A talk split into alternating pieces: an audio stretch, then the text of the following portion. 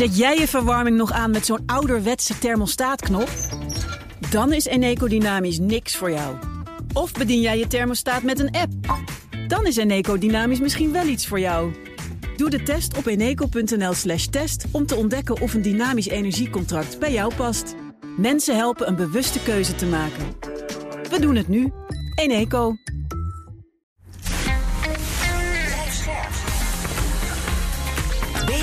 Nieuwsradio. Boekenstein en de Wijk. Hugo Reitsma. Dit is een extra uitzending van Boekenstein en de Wijk in verband met de oorlog in Oekraïne en de crisis met Rusland. Het is zondag, dag 46 van de invasie. En de Russen hebben een nieuwe bevelhebber in Oekraïne. Ja, Drovinovsk of zoiets heet hij. Die jongen die in Syrië ook de zaak heeft platgelegd. Uh, en die gaat nu die uh, campagne daar leiden. Dus het, je begrijpt wel wat, wat voor strategie die man. Uh, ja, dat is een van de verschroeide aarde. Hè? Dus ja. verschroeide aarde betekent dus als je je gaat terugtrekken, dan maal je gewoon alles mat. En dan zorg je ervoor dat niks meer overeind staat. Dat is, dat is deze jongen. Dit is echt gewoon een, een keiharde vent. En um, ja, dat geeft natuurlijk ook een klein beetje een inkijkje in de tactiek die de Russen nu gaan volgen. Namelijk ja. massale vuurkracht. Dat is gewoon wat er gaat gebeuren. Dus je krijgt een, een verschrikkelijke slagpartij uh, rond de Donbass. Dat, dat kan bijna niet anders. Ja, we kunnen het ook verbinden aan een uh, rapport van de Institute for the Study of War. April 9, dus dat is gisteren. Met een Russian Military Capability Assessment. En die zeggen dan, ja, de Russen hebben dus nu eigenlijk, ze sturen dus nu troepen, maar die zijn eigenlijk nog steeds badly damaged. En ze zijn maar gedeeltelijk hersteld. Dat zijn die troepen die uit het noorden zijn weggehaald. Uit het noorden. Ja, ja en die, die lopen dus nu naar, naar, met name naar dat plaatsje Zium. En dan willen ze naar Slovjanska gaan. Hè. En die gaan ze dan dus piecemeal, dus geleidelijk in het offensive brengen. En dat, dat wil leiden tot uh, beperkte overwinningen, maar met tegen grote kosten. Ja. En, en, we kunnen daar ook aan verbinden, dat bericht dat in de New York Times... die jongetjes die rijden dus op de kleine landweggetjes nu... met allemaal tanks en andere wagens. En, en dat kleine landwegje schijnt dus... ik vind dat wel geestig, dat schijnt een probleem te zijn voor die tanks... want die moet je dan wel vaak gauw weer repareren. Uh, en dat gaat ook allemaal niet zo geweldig. En dat kan je vanuit de lucht allemaal heel erg goed zien. Ja. Als je dat allemaal tot je door laat dringen... dan is het duidelijk dat daar de overwinning niet zo gemakkelijk van zal komen. Nou, nou, kijk, het punt is natuurlijk dat ze wel mogelijkerwijs in staat zijn om uh, dat Oekraïnse leger in de Donbass helemaal af uh, te sluiten. Uh, ja. Dus er wordt opgerukt vanuit de Mariupol in, het, in het zuiden. En ja, als je dus dat gaat doen en je komt dus ook in het noorden daar, daar naartoe, ja. dan wordt het heel erg lastig hoor. En realiseer je dat die Oekraïnse troepen, en dat zijn dan ook nog eens een keer de beste troepen die Oekraïne heeft, ook gewoon eigenlijk uitgeput zijn. Het geldt niet alleen voor de Russen, maar ook voor de Oekraïners. Ze zijn uitgeput. Dus er zijn nu twee uitgeputte legers tegenover elkaar. Mm. En mijn inschatting is dat dit gewoon een, een soort holding-operatie is. Waarbij uh, de Russen proberen nog wat terreinwinsten te boeken. Een positie zo goed mogelijk te maken. En dan te wachten op de aanvoer van echte versterkingen. Nou, daar wordt gesproken over 60.000 man. Uh, die dat gebied binnen moeten komen. Nou, en dan zou je dus, als die er zijn, dan zou je met de echte grote verslag om de Donbass uh, kunnen beginnen. Maar die zouden dan nog getraind moeten worden, toch? Dacht ik te begrijpen. Ja, ze hebben, ja. Opge ze hebben opgeroepen uh, jongens die al tien jaar geleden uit het krijgsmacht zijn ontslagen. En jongens uit Transnistrië. Ja. Is, ook, niet dat je zegt. Uh, nee, ze eerste... hebben echt een geweldig probleem. En ja. dat is maar goed ook trouwens. Maar dat wil niet zeggen dat ze het niet uh, dat ze dat niet redden. Want het, het mobilisatiepotentieel voor, van Rusland is in principe veel groter dan dat van Oekraïne. Ja, en, en ik vind ook die tangbeweging die je dus noemde, dat omsingelen van die Oekraïnse troepen. Als je op de kaart gaat kijken, ja. dan is het gewoon vreselijk. Hè? Ja. Ik stel me zo voor dat je hebt dus in het oostelijke kant heb je dus loopgraven met, met het gebied uh, waar, de, waar, de, waar de Rus Russische rebellen zitten, om het zo maar eens te zeggen. Hè? Dat Ja. is al redelijk statisch. Hmm. En aan de andere kant heeft Weininga ons uitgelegd van, nou, ze moeten dus ook niet daar blijven zitten. Ze moeten mobiel zijn, anders worden ze afgesloten. Dat betekent dat je dus ook gebied gaat verliezen en zo. Het ziet er niet uh, geweldig leuk nou, uit. Je krijgt bijna een herhaling van de slag uh, uh, van de Dnieper van 1943. En toen heeft um, Hitler een smadelijke nederlaag geleden. De Russen hebben toen gewonnen. Ja, ik hoop dat het nu andersom is. Maar ik, ik vrees het ergste. ik bedoel, als je gewoon alleen al kijkt aan het materieel dat in principe uh, Rusland kan mobiliseren en dat gebied in kan brengen. Ja, dat moeten ze dan wel uit alle hoeken en gaten van het land uh, brengen. Uh, maar uiteindelijk weet je, ze hebben drie keer zoveel artillerie, drie keer zoveel panzerwagens, vijf keer zoveel tanks.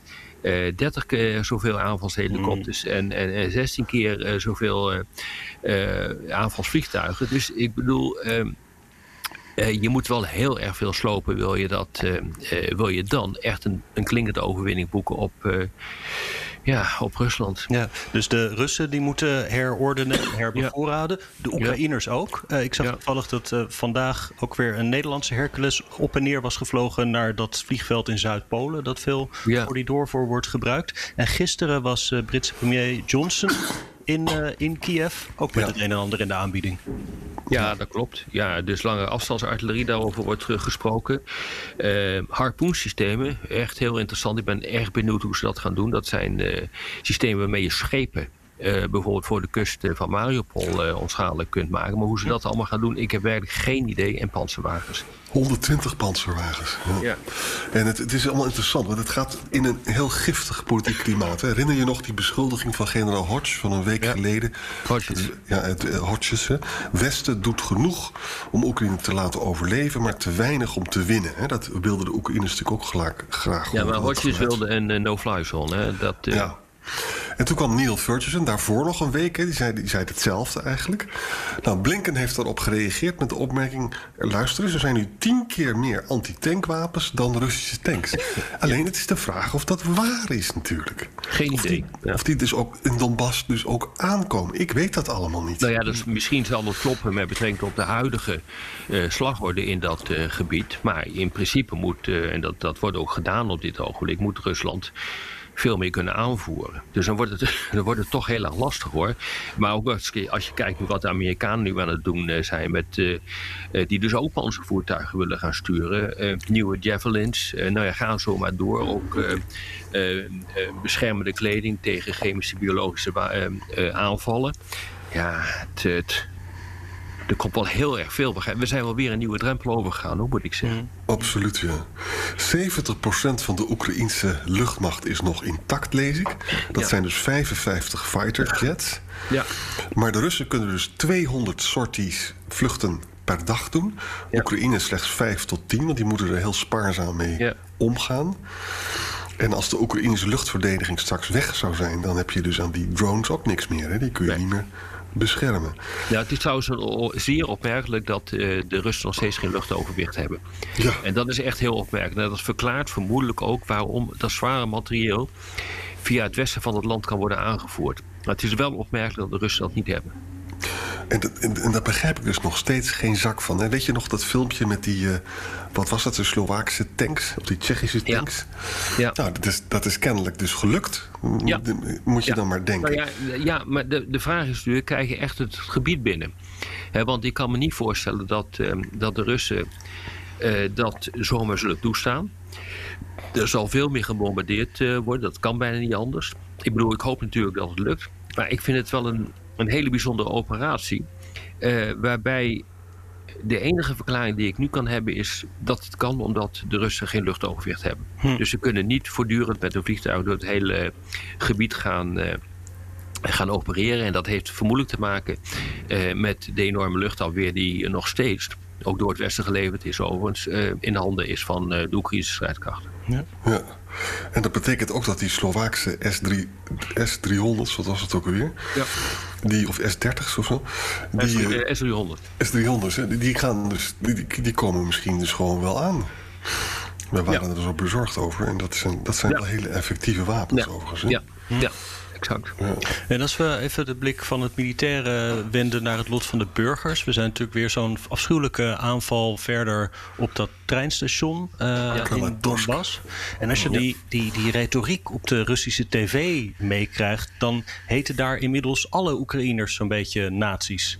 Het wordt bijna een soort genocidaal in de retoriek. Ja, alles wat, alles wat niet ehm, pro-Russisch is in dat land is nazi.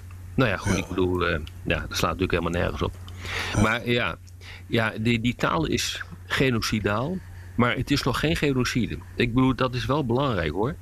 Uh, om je dat te realiseren. Want er is, nog, er is nog niet echt een bewijs. En dan zal ik ongetwijfeld weer een hele hoop over me heen krijgen. Uh, maar ik hoorde Zegveld, uh, advocaat, dat volgens ook op buitenhof zetten. Zeggen, en ze had absoluut gelijk. En dat zou toch echt onverdachte bron. Zij heeft ook gezegd van, ja nee, voor het planmatig uitroeien van een hele bevolking met vooropgezette hmm. bedoelingen. Het is een strikte definitie. Uh, ja, en zij zegt, en ik ben het daarmee eens, het wordt nu gewoon eigenlijk een, het is een politieke kreet geworden. Het is een weaponizing van het woord genocide. Ja, wel hetzelfde, Hetzelfde betoogt uh, Farid Zakaria ten aanzien van de Oeigoeren in China. Daar heeft hij zich ook niet meer populair mee gemaakt. Maar het is pas hm. genocide als je echt de intentie hebt om de hele etnische groepen... Dat hadden we met Hutus en de Tutsis, uh, Arend Jan, in de jaren negentig. Ja, en daar, daar, was het echt het geval, ja. De Rwanda Burundi, ja. Zal ik nog even een luisteraarsvraag doen? Die gaat, ik heb er voor eentje, die gaat ook over iets waar we het vaker over hebben. Van uh, Dijkhuisam. Die vraagt, de oorlog in Oekraïne kan eindigen met de annexatie van Donetsk en Lugansk en een vredesakkoord. Maar stel dat Oekraïne wint, hoe zou dat er dan uitzien? Poetin stopt toch niet zonder zijn doel te bereiken? Nou, dat is een hele goede vraag. Ja, en, en dat, precies, maar, Jan. dat is ook mijn grote angst. Stel je nou eens voor dat alles wat Poetin niet doet... het weer leidt tot verliezen. Hè? Dan heeft hij dus alle reden om te escaleren. Dat kan ik niet anders zien. Hij moet winnen. Dus dan gaat hij chemisch. Of zelfs nucleair. Het zou dom zijn om daar geen rekening mee te houden. Hij moet met iets thuis kunnen komen. En daarom, Rob, ben ik dus ook zo vreselijk bang dat iedereen zich nou uh, lijkt wel te vermaakt over, over die enorme militaire slag die er nu gaat komen. Ja. Terwijl we ook moeten nadenken dat zodra er een moment zich voordoet die zou kunnen leiden tot een staakt vuur, dat je nadenkt over onderhandelingen. Uh, want en, en, en je mag ook best praten. Uh, kijk, nu wordt, nu wordt er de radicalen, hè, de mensen zijn vreselijk geradicaliseerd. Alles is van de Oekraïne, want anders ga je landje pik belonen. Ja, dat begrijp ik wel.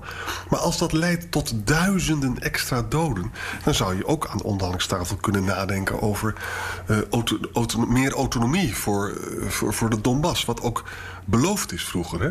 Met andere woorden, waar is nog de, de menselijke maat en de proberen om deze waanzin te staken? Niet, die is er niet. Maar ik denk dat, uh, nou, dat in ieder geval het, uh, het moment voor staakt het vuren voorbij is.